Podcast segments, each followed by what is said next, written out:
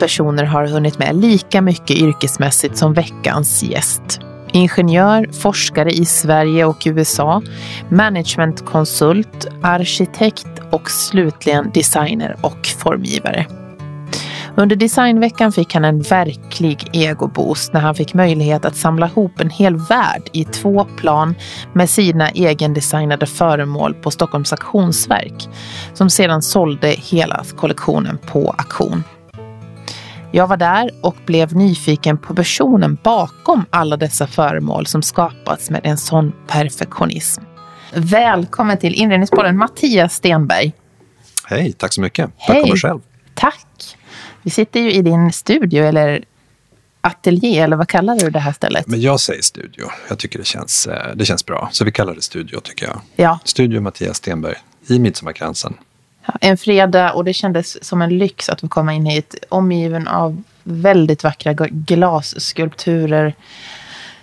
Ja, det är som en liten värld med din design. Ja, det är det ju faktiskt. Jag såg en dokumentär om Ralph Lauren och han eh, förklarade att han, han tålde liksom inte verkligheten. Han tålde inte omgivningen. Så han etablerade ett antal, vad ska man säga, universum. Eh, han hade sitt hem i Trinidad Tobago, han hade sitt hem i New York och han hade lite andra hem. Och han liksom reste mellan de där punkterna liksom. Och de här kontrollerade miljöerna som han själv hade skapat och då mådde han bra. Och jag kände igen mig lite grann i det där faktiskt. Att jag, jag har en tendens att skapa mina egna vad ska man säga, visuella små mini-universum. Liksom, och där trivs jag väldigt bra. Ja, ja. Och studion är ju eh, viktig på många sätt. Den är ju viktig inte bara som en arbetsplats utan som en, en källa till inspiration. Mm. Och lite av en testbädd kanske också för, för mycket av, av det jag håller på med. Så allt du ser i studion kommer från min penna. Eh, men samtidigt så är mycket av det du ser inte färdiga saker utan det är prototyper, det är olika steg i designprocessen så att säga.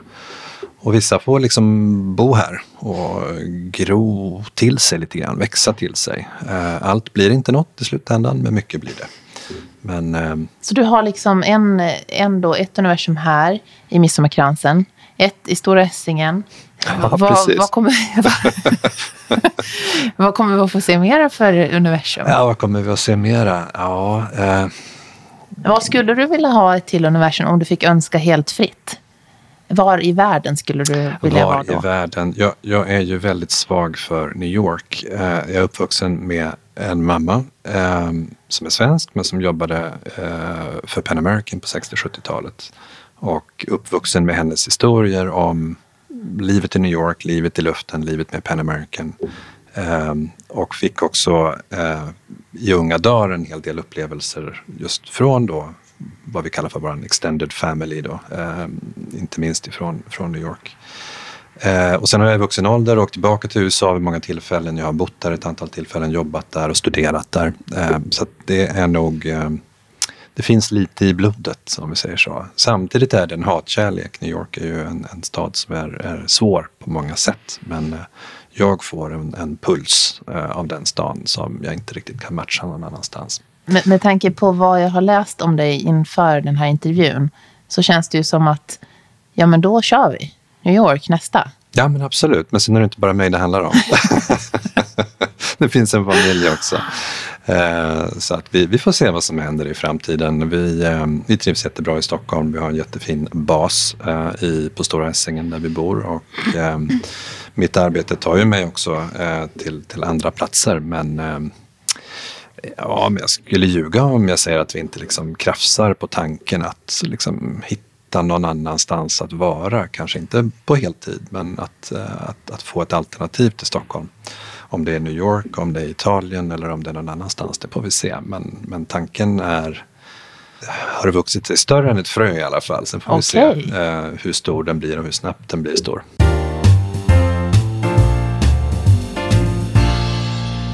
Du har ju en närmast unik bakgrund. Jag måste läsa upp lite, några ord för, för lyssnarna. Mattias Stenberg har en bakgrund som ingenjör, arkitekt och forskare i Sverige och USA med licentiatexamen inom ingenjörsvetenskap från KTH. Och du är också mångfaldigt prisad inom design, interiördesign och arkitektur. Wow! Hur, hur kunde det bli så här? Frågar man ju sig. Oj, hur kunde det bli så här? Ja du, um, en blandning av, av um, någon form av plan naturligtvis, någon form av strategi. Men lika mycket slump och lika mycket eh, en tendens att gå på magkänslan. Eh, när jag, jag är uppvuxen eh, i Umeå, Holmsund utanför Umeå. Eh, och när det var dags att, att, så att säga, lämna hemmet så eh, hade jag en idé om att jag skulle bli flygingenjör. Så jag flyttade till Stockholm. Eh, jag började på KTH och jag började läsa en linje som heter farkostteknik och tanken var då att jag skulle bli flygande flygingenjör. Krascha flygplan och sådana här häftiga saker. Eh, ett eller två år in i den utbildningen så insåg jag att det var ju inte alls så spännande som det lät. Det var ju väsentligt mycket mer eh, differentialanalys och vektoranalys och flödesdynamik och sådana där inte så spännande ämnen som låg mellan mig och den där för mig då fabricerade verkligheten av vad, vad liksom, flygingenjören gjorde. Så det uppstod lite lätt panik där och jag funderade på vad, vad gör jag nu? Ska jag hoppa av? Var, var, var finns min framtid? Eh, och eh, medicinen hade alltid varit under många år ett, ett liksom alternativ för mig. Jag valde lite grann mellan, ska jag läsa medicin, ska jag bli ingenjör? Ehm, av många olika anledningar så föll det till slut på, på ingenjör. Då. Men eh, vid det här tillfället så började jag fundera igen, går det här att kombinera på något sätt? Och jag träffade då en professor i medicinsk teknik, Håkan Elmqvist hette han. Han var son till Rune Enquist som uppfann pacemakern Jaha. och en väldigt karismatisk person och han, han liksom visade då, apropå universum, eh, ett, ett nytt universum för mig eh, som låg liksom mitt emellan tekniken och medicinen. Eh, och jag fattade tycke för det här och jag fattade tycke inte minst då för det här fältet med konstgjorda organ. Och sagt och gjort så att det, det blev mitt specialistområde så att jag skrev min civilingenjörsuppsats då, examensarbete inom det man kallar för eh, mekaniskt kammarstöd som handlar om pumpar som vi använder på patienter med kronisk hjärtsvikt då, för att eh, hjälpa dem att överbrygga sin sjukdom eh, fram till ett transplantat eller till att de faktiskt åter, eh, återhämtar sig naturligt. Och det där var jättespännande och jag åkte också till USA för att göra examensarbetet. Men eh, det är som, som vanligt, livet eh, throws you curveballs eller vad man ska säga. Och jag kände väl inte när jag kom tillbaka till Sverige att det riktigt fanns en, en industri för mig att gå in i. Jag var så intresserad av att, att leva och verka i den där kliniska verkligheten, i, i sjukhusmiljön. Och civilingenjören på svenska sjukhus, det, det, var liksom inte en profession som riktigt fanns. Mm.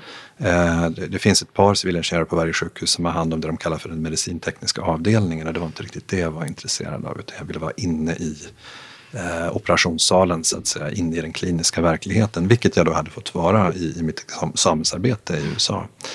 Eh, och det ledde till att jag sen också licensierade inom det ämnet också i USA. Eh, men som sagt, när det blev dags att jobba yrkesmässigt med det så, så fanns inte möjligheterna i Sverige i alla fall. Blev det inte lite en chock då att känna att hjälp, nu har jag gått den här utbildningen och så har jag, vad gör jag nu? Egentligen inte. Det borde kanske ha blivit det. Eh, jag, jag har fått den frågan väldigt ofta och jag har gjort ett antal sådana här hopp och, och inför varje sånt här, efter sånt här, varje sånt hopp så får man den frågan. Men hur kändes det? Har du, känner du inte att du har kastat bort din bakgrund eller känner du inte att du har gjort något i onödan och så vidare? Och eh, så här i äldre dagar så har jag väl försökt tänka mer på det och formulera och verbalisera det hela. Det gjorde jag inte då. Men, men jag, jag tror att vi, vi, vi tar oss dit vi tar oss för att vi hoppar och står på olika stenar längs efter vägen. Mm. Jag hade absolut inte varit där jag är idag som formgivare och arkitekt om jag inte hade gått den där vägen. Mm. Självklart så tar jag inte med mig eh, mina eh, kunskaper om, om hur jag pumpar blod eh, i min formgivargärning. Men utan den erfarenheten så kanske jag inte hade varit så eh, strategisk som jag är nu eller så verbal som jag är nu eller så någonting annat som jag är nu. Så man får ju med sig många verktyg på vägen oavsett vad man så att säga praktiserar, i vilket fält man praktiserar. Hur kom du sen vidare till nästa steg då när du valde arkitektur? Ja, det var ju faktiskt ett steg däremellan också. Så när jag kom, kom tillbaka till Sverige och började jobba på sjukhus i ett år och kände att här, här, finns, här finns inte framtiden riktigt. Ehm, då Eh, fick jag ett erbjudande från ett amerikanskt managementkonsultbolag som hade kontor i Stockholm. De heter ADL eller Arthur D. Little. Klassiska strategikonsulter eh, och de behövde en yngre person eh, med intresse för business och en bakgrund inom medicinsk teknik eller biomedicinsk teknik. Och eh, det passade eh, jag in på och eh, jag fattade tycke för dem och de utmaningar som de presenterade för mig. Eh, så att eh, jag hoppade på det och det blev eh, ett antal år faktiskt på, på ADL i Stockholm, delvis i USA också. Och det måste jag nog säga är mitt livs bästa skola. Här jobbar man med kollegor som är alfamänniskor, i brist på bättre ord. Mm. Extremt drivna människor. Kunderna var, eh, jag kan inte nämna så många fortfarande, så många år efteråt, men, men de var ju näringslivstoppar, eh, investmentbolag, private equity, VC-bolag som hade intresse av att köpa eller verka i olika andra bolag och behövde hjälp att, att eh, besiktiga sina investeringar och och eh, komma in och hjälpa till att restrukturera vissa investeringar och sådär. Mm. Så det, det, var ju så att säga gräddan av den svenska businessintelligensen så att säga som jag hamnade mitt i och det var ju en, en, en fantastisk skola. Så jag lapade i mig, lärde mig enormt mycket, jobbade enormt mycket. Mm. Det brukar man ju förknippa med managementkonsulter. Ja, att man det jobbar... finns inga 40 timmars veckor i, i, den branschen. Och det var väl också en av anledningarna till att jag ett antal år senare då kände att det var dags att gå vidare. Och då eh, blev jag anställd av Gambro som eh, ett stort medicintekniskt företag med fokus på njurmedicin. Och eh, mitt hopp över till Gambro sammanföll med utköpet av Gambro från Stockholmsbörsen. Eh, Gambro köptes av Investor och EQT. Och eh, helt plötsligt så fanns det väldigt mycket att göra på Gambro eh, i form av omstrukturering av bolaget. Eh, och, och, en väldigt positiv övning faktiskt som byggde väldigt mycket på att bygga upp kunskap och bygga upp funktioner, inte minst av forsknings och utvecklingsorganisationen inom Gambro. Så att, eh, det fick jag eh, ett delansvar att, att hjälpa till med. Eh, så det var också väldigt lärorikt. Men eh, efter ett antal år där eh, så, så var den resan slut också. Eh, jag var delägare i det bolaget vid det tillfället och eh, sålde mina aktier och stod på gatan, höll jag på att säga. Det gjorde jag inte riktigt, men det känns så att jag stod på gatan med, med en liten påse pengar och väldigt mycket tid över. Eh, något som jag egentligen inte hade haft under många år. Eh, allt hade bara gått så snabbt och det ena hade liksom lett till det andra. Och, och så var det här också. Jag hade fått ett jättefint jobb på, på eh, GE Healthcare eh, direkt efter Gambro. Jag var en sekund ifrån att liksom skriva under det avtalet och känna att wow, nu har jag tagit ett steg till här i den här näringslivsresan, eh, resan mot toppen. Men någonstans där så, så bromsade jag och kände att det här är ju det här är ju bara rätt i plånboken så att säga. Det är inte rätt i mage och hjärta. Så nu måste vi nog ta det lite lugnt och fundera här. Så jag, jag tackade nej till det jobbet och eh, spenderade en vår och en sommar med att, att, att tänka. Eh, vad vill jag egentligen göra? Du bromsade ner från att ha haft det där maxade tempot? Absolut, mm. absolut. Från, från 100 till 0 skulle jag säga och det var väldigt, eh, väldigt bra faktiskt. Och, och, igen, jag ångrar inte alls den tidigare karriären. Mycket av det jag har lärt mig där eh, i form av liksom, att, att, att föra sig, att tänka, att jobba strategiskt och allt vad det kan vara använder jag idag också. Men där och då i den stunden under den där våren och de många promenaderna i, i Hagaparken så, så kom jag tillbaka till barndomsdrömmen, vilket eh, alltid har varit att bli arkitekt. Husritande arkitekt. Eh, och sagt och gjort. Jag eh, startade min studio redan innan jag kom ja, in på arkitektur. Den? Jag gjorde faktiskt det eh, och, och, kallade mig för husritande civilingenjör. Bara för att vara väldigt tydlig. och eh, det roliga var att jag fick så många kommentarer från de första kunderna att ja, men det känns ju så tryggt, det är bra att du är ingenjör, då står ju huset upp. Och de hade många liksom, eh, kanske logiska kopplingar då till, till ingenjören och tryggheten att jobba med en ingenjör. Så att jag fick eh, ett antal kunder, en handfull kunder eh, det första året som, som eh, gjorde att jag kunde rita ett antal projekt eh, som snabbt också kunde realiseras. Och i samma veva så ritade jag också mina föräldrars hus på, på Resarö. De vågade lite? De ja, vågade... De, jag vågade. De, de var så tvungna, höll jag på att säga, lite för mig. Och det huset byggdes och det byggdes ganska snabbt och det blev publicerat i, i eh, en svensk inredningstidning och, och, det ena liksom ledde på det andra. Eh, den där tidningen letade sig ut på någon tandläkarmottagning och någon som satt där och väntade på sin rotfyllning läste reportaget och tyckte åh, spännande hus och sen ringde de mig. Så det kom ett antal sådana här samtal under de tidigare åren som, som ledde till fler och fler sådana projekt. Eh, parallellt med det där så sökte jag in då till, till eh, arkitektur på KTH. Kom in. Varför gjorde du det då? För det rullade ju på ändå. Jo, men det är nog en självförverkligande fråga. Så att säga. Det, det är nog mer att, att, eh, att det skulle kännas rätt i själ och hjärta igen. Eh, jag tror hela det, det, det, det, stora skiftet från liksom min gamla karriär och nu, eh, eller mindset-skiftet, det var ju liksom att jag lyssnade mer på mig själv och vad jag behövde för att själv må bra. Mm. Eh, och eh, självklart lärde jag mig saker som jag inte kunde på arkitekturskolan. Det, det vore konstigt annars. Men, men det var ju inte det som var det primära utan det handlade om att själv förverkliga mig. Eh, så så var det. Så jag, jag började rita hus, eh, satte mig i skolbänken samtidigt, eh, försökte jobba med höger och vänster hand samtidigt. Många, många arbetstimmar per dygn om vi säger så. Så lite ja. tillbaka i det där tempot igen då. Men nu var det ett lustfyllt tempo. Nu var det passion som drev det och inte någonting annat. Så det gick väldigt bra. Jag tog min kandidat i arkitektur ehm, och någonstans under hela den här processen så började jag också tänka på möbler. Och jag, jag får ofta frågan liksom när, när skedde det där skiftet då? Vad var det som, som liksom utlöste det tankesättet? Och jag kan för mitt liv inte komma ihåg det utan det var någonting som rätt så organiskt bara blev till. Mm. Det började bli saker i skissblocket så att säga. Eh, väldigt banala till en början men jag kände ändå att det fanns någonting väldigt igen då, lustfyllt i att jobba med möbeln. Mm. Eh, eller objektet eh, som ett komplement till det byggda verket, huset. Byggde du då, eller ritade du då både hus och inredning till, till började du göra sådana helhetsprojekt då till kunderna eller hur?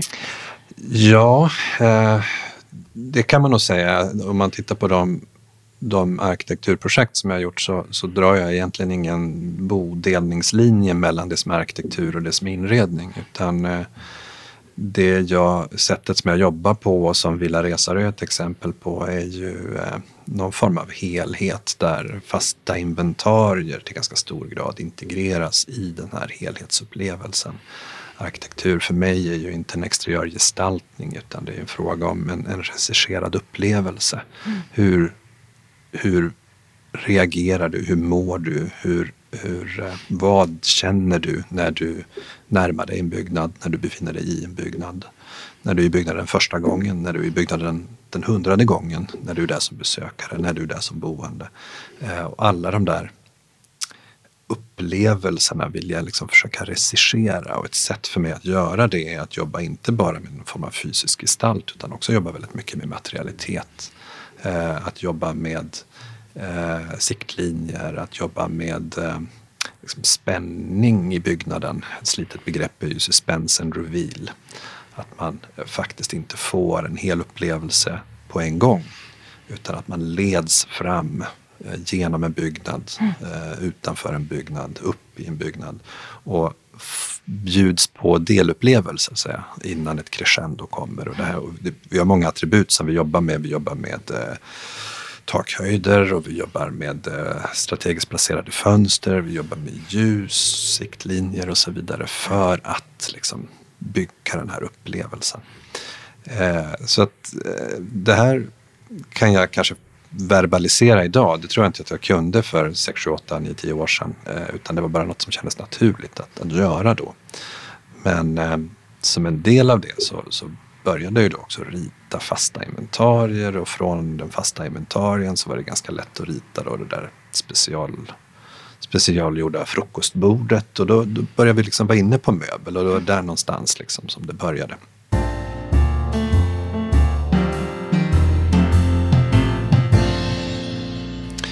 Jag minns att jag satt eh, ett par månader, en sen vår, tidig sommar, eh, för snart tio år sedan och eh, bara ritade möbler. Jag hade ingen erfarenhet alls, jag kände inga producenter. Jag hade bara idéer om vad jag ville göra. Och jag ritade säkert 20 olika möbler under den här perioden. Och I slutet av den perioden så liksom vaskade jag fram det jag upplevde var guldkornen. Vilka är de tre bästa? Eh, och de tre möblerna eh, beslutade jag mig för att inte bara formga utan faktiskt också utveckla till färdiga möbler och ställa ut på Greenhouse som är eh, området för icke-etablerade formgivare på möbelmässan i Stockholm. Februari varje år. Eh, sagt och gjort, jag gjorde det. Jag tog fram tre Jaha, möbler. du gjorde det? Ja, faktiskt. Aha. Kände mig som åldermannen i gänget och det var jag väl säkert också. Bland alla nyexaminerade 23-åringar. Det låter som att du är jättegammal. Du är ju faktiskt bara 44. Ja, precis. Ja. Och då var jag då eh, 35 och då var jag ändå 10 år äldre än alla andra. Så det, jag kände mig, jag har alltid känt mig gammal. eh, men det var, jag visste inte vad jag skulle förvänta mig egentligen av den övningen men, men det var igen någonting som var väldigt lustfyllt. Att liksom ta det där fröet till idé, till en skiss, från skissen till en ritning, och från ritningen till någon form av produkt, tanke med konstruktion och att sen faktiskt också ta fram den själv. Så att eh, alla de här tre objekten, ska man väl säga då, utvecklade och tog fram prototyper på och ställde ut. Och, eh, Hur gick det då? Ja, men det gick väldigt bra. Du sitter på den ena faktiskt. Ja, du sitter på en, pallen. en sittpuff som heter Carry On numera. Då. Den hette Carry On redan då. Den hade ingen producent då. Men eh, under den veckan eh, för snart tio år sedan så kom ett eh, trevligt par formgivare. Eh, det ena var KD Fights och det andra var Eero Koivisto. Eh, de gick eh, armkrok genom Greenhouse och de stannade vid, vid den här prototypen som jag hade tagit fram då och sa att den, den ska vi ha. Stå still, gör ingenting. Ja, var det så? Ja, vi ska hämta an, en kille som heter Anders Englund och han äger och driver tillsammans med en, en kollega ett företag som heter Offect. Jag kände ju mycket väl till Offect. Jag hade faktiskt lite av en bakgrundstanke när jag tog fram de här möblerna. Att vem skulle kunna vara en tagare? Och Offect var en av namnen som jag liksom hade sett framför mig för just uh, Carry On-puffen. Så det var ju lite drömscenariot som, som uppfylldes där och då. Och, um, det, jag höll på att säga, vi ska göra en lång historia kort. Den var ganska kort. Vi skrev ett licensavtal veckan därpå. Och vi introducerade den serieproducerade Carry On-puffen då på möbelmässan året efteråt. Och det har ju blivit en eh, stor succé för alla inblandade. Eh, jättebra säljande produkt för Offect och naturligtvis en jättebra start för mig. Av flera skäl. Dels någon form av eh, vad ska man säga, recognition. Eh, att, att, att, mitt namn eh, associerades med en, en bra produkt, en välfungerande produkt och ett jättebra varumärke som effekt. Eh, en klapp på axeln naturligtvis också. Man ska komma ihåg att eh, ja, visserligen hade jag gott självförtroende men jag, jag kände ju samtidigt att jag inte hade erfarenhet. Eh, så det var en rätt så bra klapp på axeln att få där och då. Och kanske också ekonomiskt att, att, att, att, så att säga, sätta en produkt tidigt som säljer väldigt bra och som genererar royaltyintäkter. Och då kunde jag ju bygga min egen formtanke och min studio långsiktigt. Eh, och inte, var, inte ha så bråttom och, Mm. och liksom stressa fram nya produkter utan fundera lite grann mer på vad jag faktiskt ville göra. Vem jag är, vad jag, vad jag vill representera, vilka grundvärderingar som jag vill ska gå in i min formgivning. Vilka producenter som delar den uppfattningen, de grundvärderingarna och sakteliga så att säga, bygga de eh, relationerna.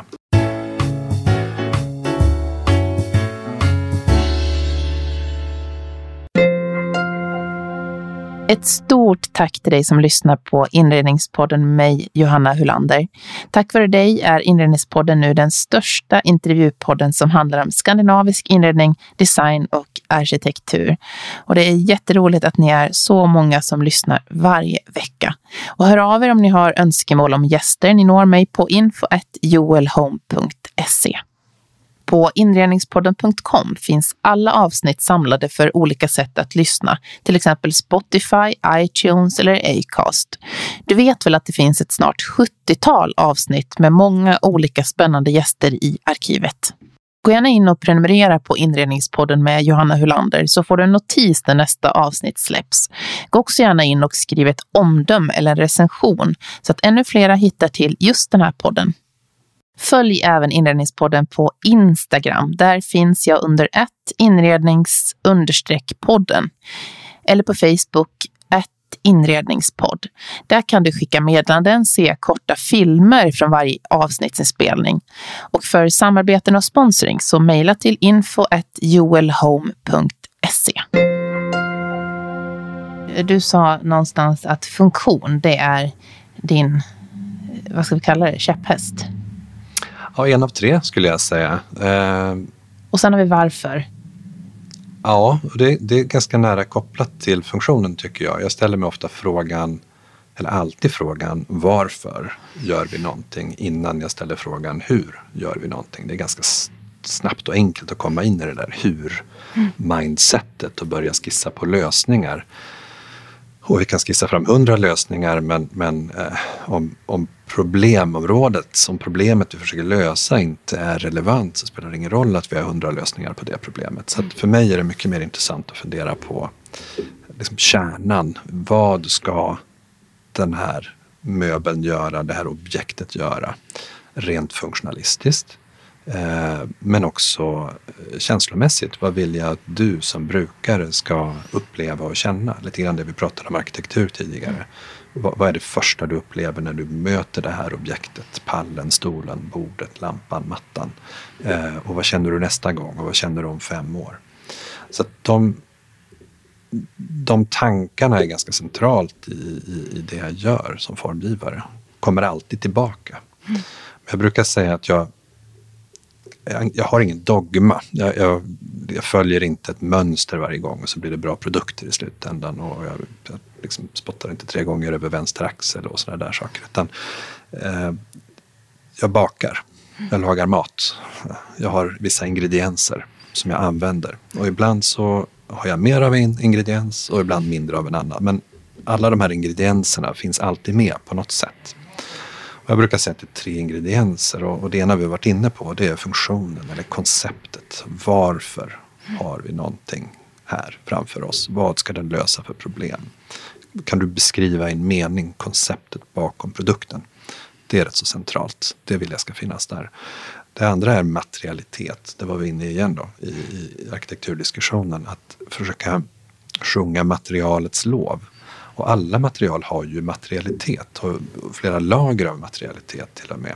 Jag menar, vi kan fascineras över den här blanka, lite böljande mm. känslan på det munblåsta glaset. Eh, vi har en jättefin porslinskopp framför oss på bordet här mm. eh, med en, en, en matt oglaserad yta. Eh, tyger har vi massor runt omkring oss här. Bakom oss har vi en dagbön med Sörensens eh, Royal New Book på. Det finns ju materialitet överallt och jag strävar alltid efter att framhäva den. Och eftersom jag gör det så brukar jag inte jobba med så väldigt många material i kombination heller. Utan, eh, och om jag gör det så vill jag att något material ska ha huvudrollen. Och de andra finns där som liksom supporting cast. Eh, som ska hålla uppe det där primära materialet och den där primära materialitetskänslan. Så konceptet nummer ett, materialitet nummer två och det tredje eh, brukar jag lite slarvigt bara kalla reduktion. Och det har lite grann mer att göra med gestalten, hur ser sakerna ut? Eh, för mig är det en stor skillnad på minimalism och reduktion. Eh, reduktion igen om vi drar analogin till matlagning. Du reducerar din sås. Den kan vara väldigt komplex. Den kan bestå av 10, 20, 30 olika ingredienser. Men reduktionen, processen att reducera handlar ju om att koka ner den tills du har uppnått det där smakmaximumet, optimumet. Och så är det med form, så är det med gestalt också. Att det finns en nivå när man liksom har slängt massa tankar på ett objekt och så backar man tillbaka, man provar att plocka bort en sak, lägger tillbaka en annan mm. och gradvis, gradvis, gradvis så förfinas det och så känner man till slut, det är samma sak med såsen. Du vet ju när du är hemma, jag brukar prata om den här tröskeln som jag känner att jag går över. Att ah, nu är jag genom dörren, nu har jag gått över tröskeln, nu är produkten färdig. Jag vet när det ögonblicket uppstår. Det man slås av när man ser dig, ja, men det är att du är oerhört snabb i allting. Det, går ju, det, det är ju liksom, det, det, är tempo. Och att när du väl har bestämt dig för något så verkar det som att då går du knappt att stoppa. Och att du är, det måste vara perfektionistiskt lite grann. Alltså det, stämmer det? Eller är det ja, bara en bild jag har? Um, nej, men jag är glad att du tog upp det faktiskt, för jag har funderat Eh, med anledning av årets eh, Stockholm Design Week och alla aktiviteter vi hade för oss då så har jag funderat lite grann på hur, hur kan jag stå här nu med alla de här produkterna Precis, det ska vi komma till, vad, vad, vad, vi, vad, vi har sett. Precis, men jag, jag, tror, jag skulle inte beskriva mig som snabb, men, men du sa att, att när du har bestämt dig så, så går det inte att stoppa det. Och det kanske ligger någonting mer i det. Att, att jag den där tröskeln igen. Jag vet när en tanke håller. Jag behöver inte övertyga mig själv. Jag behöver inte liksom dra den där tankeprocessen i långbänk. När jag tror på någonting så, så kör jag. Eh, och jag minns när jag läste arkitektur fick jag väldigt ofta väldigt mycket negativ kritik för det här. För där skulle man liksom på något sätt Eh, Eh, med ångest verka fram sina koncept. Så man skulle eh, liksom kill your darlings tre gånger om och man skulle alltid riva sitt projekt tre dagar innan redovisning och börja om från början och så skulle man göra all-nighters liksom och så skulle man sladda in eh, i presentationssalen och, och, dra sin presentation. Liksom. Men, men det är inte jag. Jag, jag. jag går på en övertygelse och får jag den övertygelsen tidigt i processen, ja då är det så. Då ser jag ingen anledning till att liksom riva det tre dagar innan och, och börja om bara för att. Och så är det nog i formgivningen också, att jag, eh, jag kör. Helt enkelt. Och, och, får jag inte den där känslan, den där liksom komma över tröskeln-känslan, då är det fel då är det fel projekt, liksom. då är det fel produkt eller fel lösning på det där problemet. Och då börjar man om, men då gör man det ganska snabbt. Mm. Jag försöker liksom inte jobba vecka efter vecka med något koncept eller någon form som inte det inte kommer över den där tröskeln ganska snabbt, då, då stryker jag det hellre på en gång. Mm. Så att, ehm, och det är nog kanske en av nycklarna till att eh, det har blivit ett ganska stort antal produkter genom åren.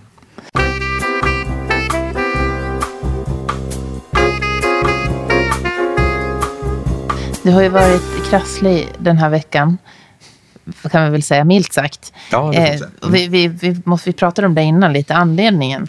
För att många har varit sjuka som besökte eh, designveckan och, och möbelmässan i Stockholm.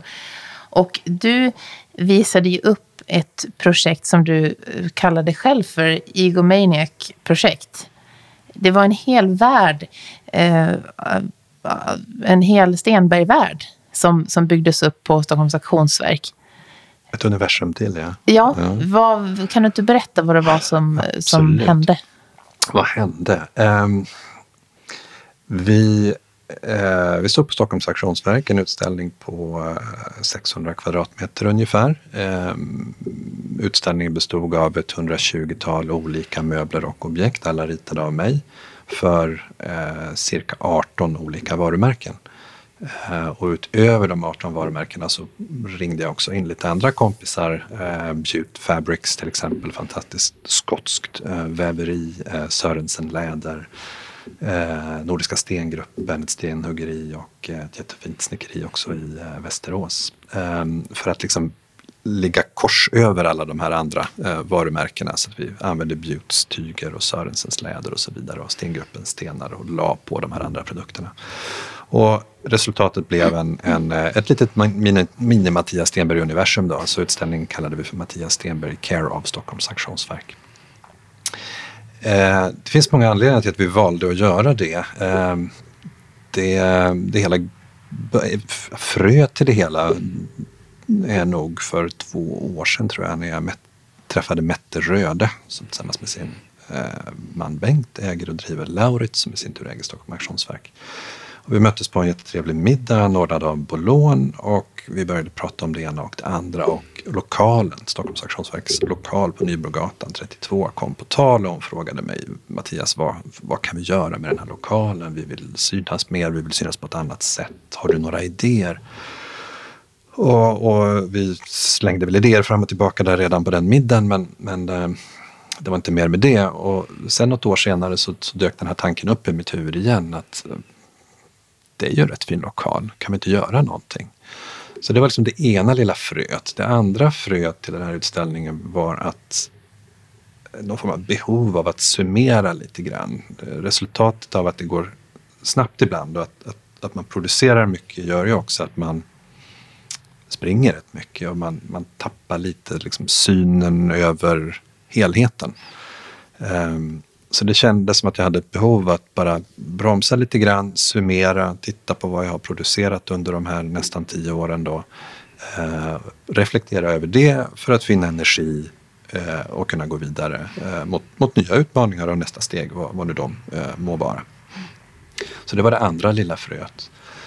Och det fanns ett tredje frö också som var den här riktigt så här, konkreta katalysatorn till att nu rackarn vill jag göra den här utställningen. Och det var eh, ett mejl som kom för något år sedan eh, från en, en, producent och de skickade de nya påkostade produktbilderna eh, på en möbel som jag hade ritat som jag var och är väldigt stolt över. Men eh, eh de här bilderna levde kanske inte upp till eh, den förväntan jag hade ställt på dem. Eh, och det är inget unikt i det, så här är det ibland. Jag menar, jag formger ju inte för mig själv, jag formger ju för de olika varumärkena som jag jobbar med. Asplund, Offekt, Kosta Boda och så vidare. Eh, och det är de som är avsändare.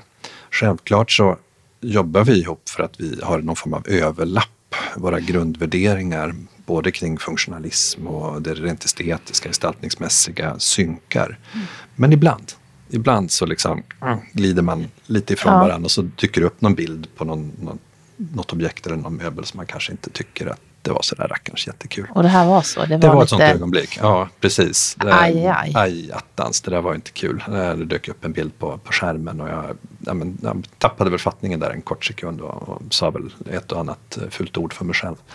Um, men eh, det, det, var liksom där och då som jag kände, okej, okay, um, det är lätt att kritisera. Uh, de har gjort sitt bästa, de är jättenöjda, produkten säljer bra. Men vem är jag då? Hur skulle det se ut om jag, Mattias Stenberg, la mitt visuella estetiska filter över den här produkten och kanske alla andra produkter också för den skull. Hur skulle det se ut? Om man stiger in i en butik med mitt eget liksom, private label, hur skulle det se ut? Det är lite Ralph Lauren där. Ja, igen, det är lite Ralph Lauren-varning, absolut. Så att eh, sagt och gjort så, så fick det bli. Jag eh, lanserade tanken för, för Mette och den föll i god jord. Jag lanserade tanken för de här 18 olika producenterna och, och den föll i väldigt god jord. Och, eh, det, det var en stor utställning. Det känns som att det skulle vara väldigt mycket uppfattningar och tankar och tyckande om det. Men, men jag måste säga att, att jag har haft fantastiska partners i, alla de här varumärkena, auktionshuset och eh, alla de utställande producenterna som har gett mig i princip helt fria händer att, att sätta samman då den här visionen. Eh, och eh, det var ju inte bara en utställning, det var ju en aktion också. Ja, det var ju jättehäftig eh, aktion faktiskt. Att man kunde klicka hem alla de här föremålen som var både från mm. möbler och eh, glas och keramik. Ja, det var liksom alla materialslag, mattor och lampor och så ja. vidare. Och, och det, det kändes, brist på bättre ord, det kändes rätt. Eh, det kändes, eh, det kändes nytt, det kändes roligt. Vi har alla gått på väldigt många utställningar i Stockholm och Milano och New York och allt, alla ställen vi liksom, eh, möter formgivning på. Men det är lite samma format hela tiden och det kändes väldigt, väldigt intressant att faktiskt kunna göra det här till en, en, eh, en utställning som får ett liv bortom den här designveckan. Att objekten faktiskt tar sig hem till någon och står någonstans och brukas. Och det fanns också en, en, en liten politisk tanke bakom det hela, eh, om vi ska gå till, till hållbarhetsdiskussionen. Eh, roten tycker jag då, för hållbarhet, det är ju någon form av insikt i att vi tar fram relevanta produkter. Funktionen är en del av att en produkt är relevant över tid. Eh, men tar vi fram relevanta produkter som lever över tid så måste vi också inse att de ska säljas och återsäljas. Och det gör vi på många olika sätt idag. Men auktionsverket och auktionsförfarandet så att säga, är ju en eh, bricka i det spelet. Och då kändes det väldigt roligt att visa under just Stockholm Design Week på ett auktionsverk. I det här fallet då Stockholms mm, auktionsverk. Det var väldigt, eh, väldigt roligt och nytänkande att se. Och vi hoppas att det var många nya personer som upptäckte modern ändå formgivning också. Inte bara antikviteter som annars eh, är mer känt för just Stockholms auktionsverk då. Ja, Stockholms auktionsverk på Nybrogatan är ju deras fine art-avdelning mm. så att säga. Så att, eh, och de säljer ju ut viss till samtida eh, också då. Men eh, jag, jag, tror att det var ett, ett, steg, ett steg för dem att ta. Att, att faktiskt visa bara samtida i det här fallet och egentligen bara av en formgivare också under just den här veckan. Så det var ju väldigt spännande. Sen tycker jag också att jag hoppas och tror att vi ändå har, har väckt nyfikenhet debatten hos gemene man just för auktionsverk i största allmänhet. Att det är inte så, så eh, vad ska man säga, Porsche och, och, och svårt och elitistiskt som man kan luras att tro. Utan det, det är väldigt enkelt. Mm. Eh, åk dit, titta på produkten, lägg ett bud. Eh, och i det här fallet var det en online-auktion eh, dessutom. Så att man sitter liksom i sin egen soffhörna och, och trycker. Mm, jag var med faktiskt ja. och budade på en soffa. Aha. Jag vann inte. Mm. Det var Meetup-soffan kan jag väl erkänna. Det var Meetup-soffan. Mm. Dapper. Ja, dapper. Det var deppigt. Men så är sånt i livet. Jag väntar på nästa aktion. Absolut, kanske ja. kommer. En kort fråga. Hur ser en dag ut i ditt liv just nu? Just nu? Ja, nu är vi två, tre veckor efter Stockholm Design Week. Så nu är det lite nu börjar du vakna till liv? Ja, men det börjar vakna till liv. Uh, jag, nu har jag legat nere här i en dryg vecka i den uh, obligatoriska mässförkylningen. I år var den lite tyngre än vanligt. Eh, men nu är man tillbaka och det här, det här är faktiskt, tycker jag, nästan den roligaste delen av året. Nu har vi presenterat, vi lanserade ett antal produkter på mässan. Vi hade utställningen på, på Stockholms auktionsverk. Vi eh, hade och har fortfarande en eh, konstglasutställning på Galleri Glas också på Nybrogatan. Så att allting är på plats, allting är där och nu eh, sätter jag fokus på nästa år.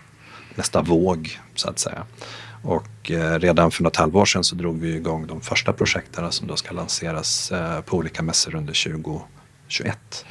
Eh, så nu är det fokus på det och det är väldigt roligt tycker jag. Så nu kommer jag in på morgonen, tar min kaffe och sen är det väldigt mycket penna och papper och skiss och tänkande och liksom kreativt skapande som gäller just nu. Och du har barn numera.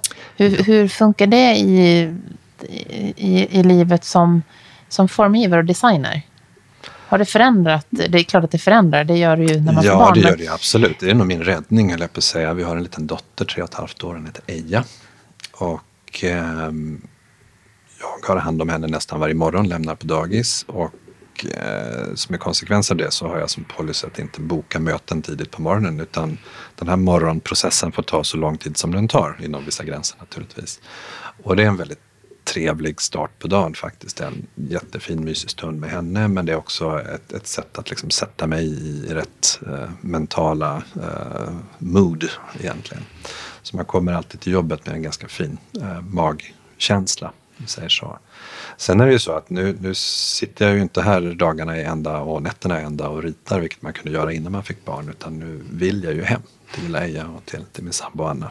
Och det är ganska bra för jag tror att de flesta kreativa människor känner att det är väldigt svårt att stänga av. Eh, när man har flow så har man flow eh, och till slut så uppstår det där flödet 24 timmar per dygn, sju dagar i veckan. Va? Eh, och någonstans så kommer man till en punkt där det börjar ryka ur öronen. Så man, man, måste hitta sätt att kanske inte stänga av men åtminstone refokusera.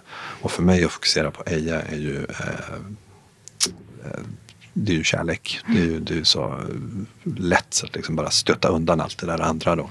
Och så fokuserar man på henne. Mm. Och sen så är dagen slut? Sen är dagen slut. Ja. Precis, lite så. Lite så.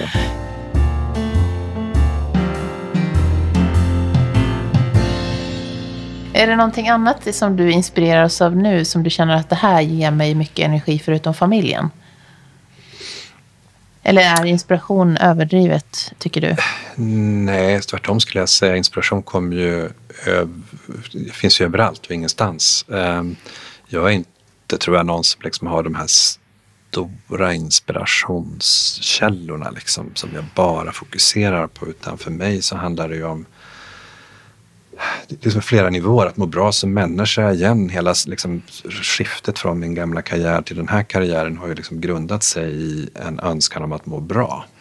Eh, så där är ju en, om det är en inspiration eller en drivkraft vet jag inte men, men det är ju någonting som jag alltid letar efter. Att liksom hela tiden hitta an, fler anledningar att må bra och ännu bättre. Eh, skiftet i den här karriären var en eja, en eh, små saker som nu sitter vi och tittar ut genom de stora fönstren här och solen skiner och det är fredag och glada människor är på väg hemåt. Liksom. Och sånt suger jag åt mig. Eh, sånt ger mig en bra känsla.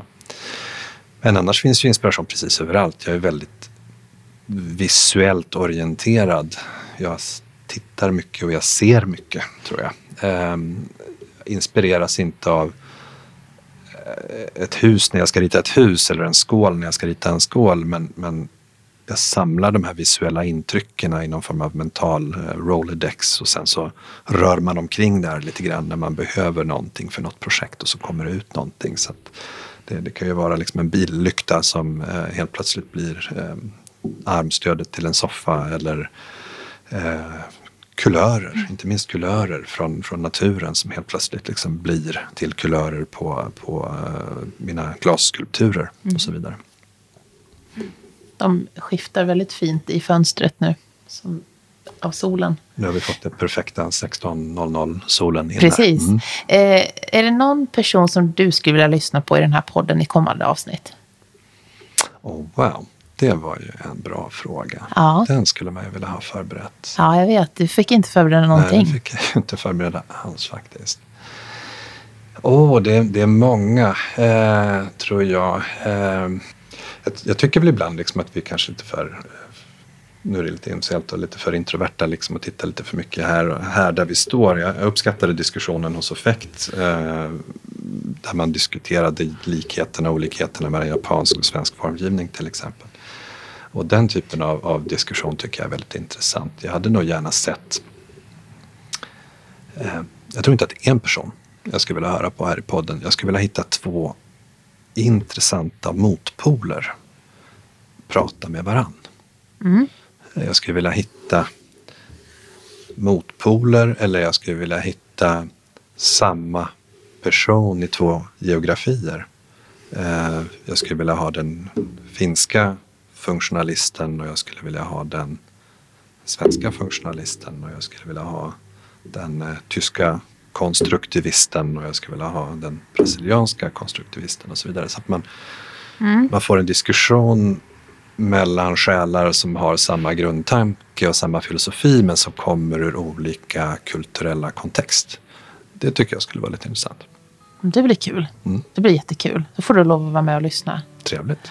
Hur kommer man i kontakt med dig om man vill, om man vill det? Vill man komma i kontakt med mig så är det väldigt enkelt. mattiastenberg.com. Eh, där finns alla uppgifter. Eh, Instagram har också blivit eh, genom åren den kanal som, som jag kommunicerar i. Så Design Stenberg heter jag där. Så väldigt lätt. Tusen tack Mattias. Tack snälla. Tack, tack. själv.